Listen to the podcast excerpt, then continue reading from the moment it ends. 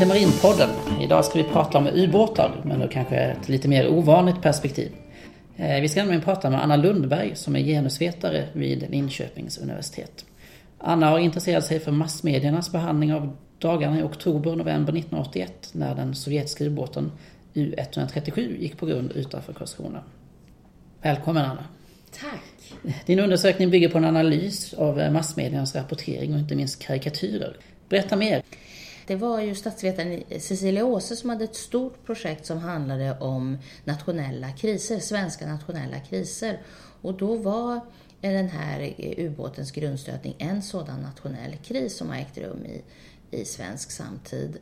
Eh, och när hon tittade på det mediala materialet så upptäckte ju hon att eh, Eh, det förekom en hel del satirteckningar i dagspressen, den nationella dagspressen och eh, det förekom också bland journalister en, en munter ton när det här beskrevs.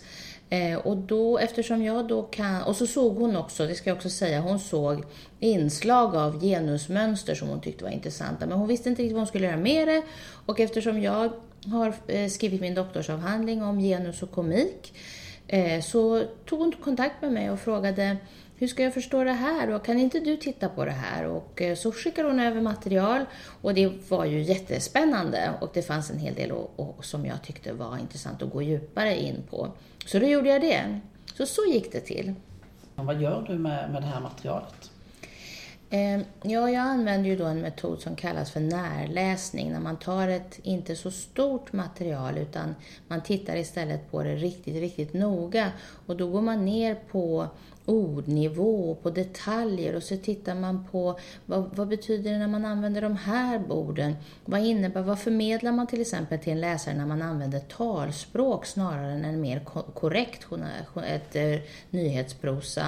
Eh, vad innebär det när man jobbar med överdrifter? För det finns väldigt mycket överdrifter och förstärkande adjektiv i den här eh, rapporteringen. Vad, vad, innebär det? Vad är det för bilder man för, förmedlar? Så tittar jag noggrant på både text och bilder eh, och, och tittar på mm, vad, vad gör det med den här händelsen? För det som jag sa tidigare, så det här var ju en kris. Alltså det var ju en otroligt allvarlig sak och den skedde också under kalla kriget när Sverige låg klämt, kan man väl säga, mellan eh, öst och väst. Och, och eh, situationen var ju en helt annan än vad den är idag. Eh, och eh, diskussionen om kärnvapen var också en helt annan än vad den är idag.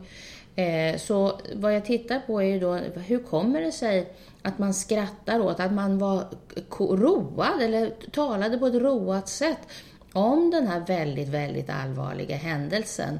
Eh, hur, hur, varför gör man det? Hur gör man det?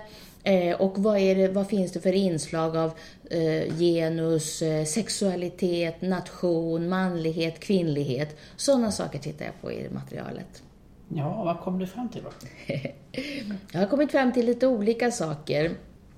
Eh, jag har kommit fram till att, eh, och det är ju min analys, min tolkning av det här materialet, att eh, alla, alla de här skämtsamma alltså stilmedlen som används då. Man använder till exempel de här krockarna, för att det, det, är ju någonting i den här situationen när det fullkomligt ofattbara händer och den här stora, stora världs, eh, världspolitiken i ett höj då invaderar lilla och liksom hemtama och rurala på sätt och vis Blekinge, så blir det en sån krock och de här krockarna är någonting som lämpar sig väldigt väl för att använda i humor. När det uppstår sådana här krockar mellan det stora och det lilla, och mellan det globala och det rurala, och mellan det hemtama och det liksom vaga och abstrakta, och och mellan det som är, är, kaos, det som man upplever som ordningsamt och så plötsligt är det kaos.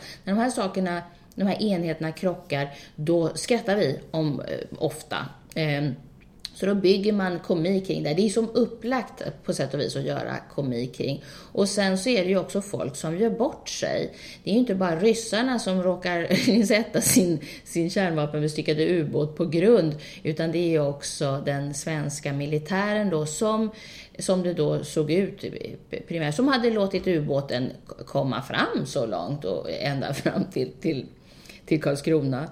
Eh, så det, det, och det är ju också någonting som vi, som vi skrattar åt. Det är ju roligt när folk gör bort sig. Och ju mer makt de har som gör bort sig, desto roligare tycker vi oftast att det är. Att de som sitter där uppe på pedestalen med sin makt och sitt allvar, att de faktiskt trillar ner mellan varven och det tycker vi också är roligt. Det har ju med makt att göra naturligtvis och, och hur makten fördelas i ett samhälle. Så då skrattar vi åt det. Och det gör man i de här sammanhangen. Man skrattar åt svenska politiker, man förlöjligar svensk militär, man förlöjligar amerikansk militär, man för, förlöjligar rysk militär, man förlöjligar ryska politiker. Så att det var ju en enda stor skrattfest där eh, ett, ett tag. Eh, vad man också kan se är ju då att eh, det är ju en väldigt manlig affär. Det är ju nästan bara män som förekommer i den här mm, i det här sammanhanget. Och eh, de, det är ju så normaliserat i krig att det är en manlig företeelse. Vi är så vana vid det så att det är nästan någonting som man inte tänker på för att det är så, så naturligt. Eh, men det, det är ju det någonting man ser, att de som blir förlöjligade här, de är män. Men det förekommer bland annat, i en, finns en satirteckning som publiceras tidigt i affären som, som den publiceras i Svenska Dagbladet, där man ser en kvinna som eh, reser sig upp ur ett badkar och det är ju då Moder Svea. Moder Svea reser sig upp ur sitt privata badkar och eh, i samma badkar ur vattnet så sticker då Leonid Brezhnev upp med, ur, eh, med, med ett periskop och ur någon ubåt där och har en stor kikare på magen. Och Svea är förskräckt och pekar bestämt att eh, Brezhnev måste lämna hennes badkar och Brezhnev ser också väldigt förskräckt ut eftersom han har då blivit påkommen när han smygfluktar på den nakna Svea när hon badar i sitt badkar i godan ro.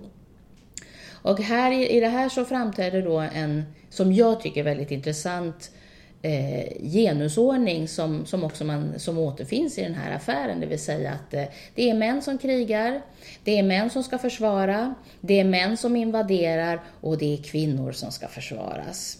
Så Moder Svea, alltså nationen som ska försvaras men som är passiv, eh, personifieras då av en kvinna medan förövaren, den sexuella aggressorn, eh, iscensätts av en man, då en utländsk man naturligtvis också. Eh, och, så, och då så är det de svenska goda militären och männen som, som ska försvara Svea. Och här ser man ju då ett mönster av aktivitet och passivitet där män då eh, tillskrivs den aktiva rollen medan kvinnan blir då väldigt, väldigt passiv i sammanhanget. Och det här eh, ser man ju också hur, hur det raljeras kring och, och förlöjligas. Eh, för det blir ju också lite intressant om man har en ordning som är naturlig, som går ut på att i krig, men också i fred, att det är kvinnor som är passiva, kvinnor och barn som är passiva och som ska skyddas, värnas och försvaras. Och det är män som ska då sköta det där försvaret. Och det är också män som, liksom, eh, eh, som står för det potentiella hotet.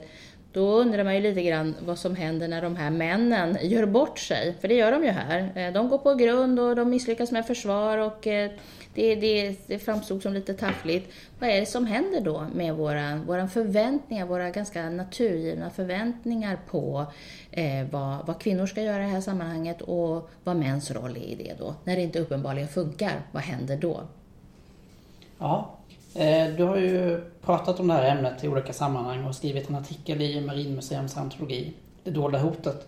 Vad har du fått för reaktioner på, på det här för det perspektivet? Det är ändå ganska ovanligt sätt att ta sig an eh, ett militärt ämne och eh, den här ubåtsincidenten. Eh, ja, alltså det är ju det också som är lite intressant, att det är ovanligt. Det säger ju också någonting om eh, hur, hur normaliserad hur, vad vi förväntar oss att vi ska tala om i det här sammanhanget. Vi ska inte tala om kvinnor och vi ska inte tala om komik och vi ska inte tala om sexualitet. Men den här bilden och flera andra är ju tydligt sexualiserade. Att det här intrånget som det då talas om upp, vid upprepade tillfällen i media, att det eh, beskrivs i sexualiserade termer. Det finns kopplingar här och, och, saker som vi tolkar in utan att vi riktigt, riktigt tänker på det. Så att, att det är ett ovanligt perspektiv eh, det tycker jag stämmer lite grann till eftertanke och jag är glad att jag har gjort det här. Eh, reaktionerna som jag har fått har ju varit väldigt olika. Eh, det är ju många som tycker att, att det, är, det är intressant just därför att man får syn på saker. När man analyserar saker från ett lite annat håll så får man också syn på det som vi tar för givet. Det kallas för synvändor. Att man bara, ja men så kan man också se på det här. Man får lite grann syn på det som vi själva tänker och gör varje dag. Eh, så det är ju det att eh, en del blir ju eh, varse grejer som de kanske inte riktigt tänkt på. En del blir provocerade förstås och det har jag full förståelse för därför att det här var en, en, allvarlig, det var en allvarlig sak. Många var väldigt, väldigt rädda. Ehm, jag var själv, jag menar jag minns själv att jag reagerade och jag tyckte det var obehagligt. Människor berättar att de, de som faktiskt bodde här i trakten, eh, i, i Karlskrona-trakten, hur de låg på natten och de hörde flyg verkligen gå här över och att det var djupt, djupt obehagligt. Men jag vill verkligen framhålla det att det är viktigt att komma ihåg att vi levde i en annan tid med en annan situation vad gäller krig och fred. Så att det, det där har jag inga som helst problem att förstå. Det som är viktigt är att, att de olika perspektiven kommer fram. Så som jag läser den här, de, de här skämtteckningarna och den här skämtsamma tonen är att det delvis handlar om lättnad. Att det var väldigt skönt att det ändå inte skedde någonting. Och då kan vi skratta lite grann och oj, det var skönt att, att, det, att vi, oh, det var nära ögat. Så, eh, så att jag menar, de, de flesta förstår ju och kan se att, att det här var en komplicerad händelse och den måste förstås och skildras utifrån olika perspektiv och på olika plan. Sen finns det ju en del som tycker att det är supertramsigt att man absolut inte ska hålla på med sån här forskning och skriver då om det i, i olika sammanhang. Men eh, då vill jag framhärda att det är viktigt att belysa de här sakerna utifrån olika perspektiv.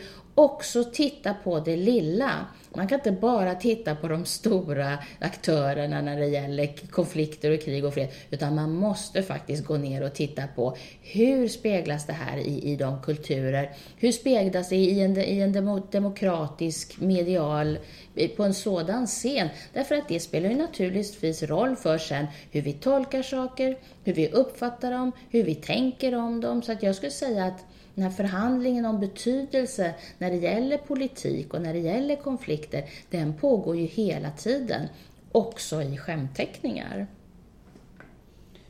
Om man leker med tanken att den här händelsen hade hänt idag, att den sovjetiska eller ryska ubåten eller någon annan nation hade gått på grund eh, på svenskt vatten. Hur tror du massmedierapporteringen hade sett ut idag? Hade det varit någon skillnad eller hade man kunnat se samma mönster? Oj, det är ju jättesvårt. Det är en svår fråga. Ehm, efter, eftersom vi har ett helt annat medialt landskap, bland annat med sociala medier, där väldigt, väldigt många fler aktörer kan gå in och liksom skriva vad de tänker och tycker och förhandla. Och det går också väldigt, väldigt fort. Mm. Det tänker jag mig också att, att spela roll, att det fanns liksom en slags fördröjning här. Det, det är många som, som är på den här utställningen som, som finns här, där, där, där ubåten bland annat tas upp. Där är det ju flera stycken som var inblandade som sa att det fanns inga mobiltelefoner. Och bara en sån sak gör ju att allting blir ju, blir ju på ett helt annat sätt. Men när det gäller skämtsamheten och komiken så har ju den, den är, komiken som form är ju svårstyrd och det är liksom riktigt, det är svårt att säga på förhand hur den skulle se ut därför att den är så situationsbetonad och den dyker upp där man minst anade, det. Här är ju ett, ett, exempel på det, att man skojar om någonting som är så pass allvarligt. Eh, så att det är väldigt svårt att säga. Samtidigt som den är svårstyrd och, och svår att, så att säga, för, förutse, så är det också så att det finns vissa grundelement i i komik och inte minst i politisk satir som tenderar att se likadana ut oavsett i vilken tid vi lever. Så att um, jag skulle säga att det är jätteberoende av de, eh, de aktörer som skulle gå in i en sån konflikt eh, och vad, vad, så att säga, vad komiken i sådana fall får att jobba med. För det måste ju uppstå situationer som lämpar sig för att handha på ett komiskt sätt också. Så att det är jättesvårt att säga. Men eh, politisk satir den behövs ju och eh, den finns ju jämt så jag är ganska säker på att den skulle finnas även om det någonting sånt skulle hända idag.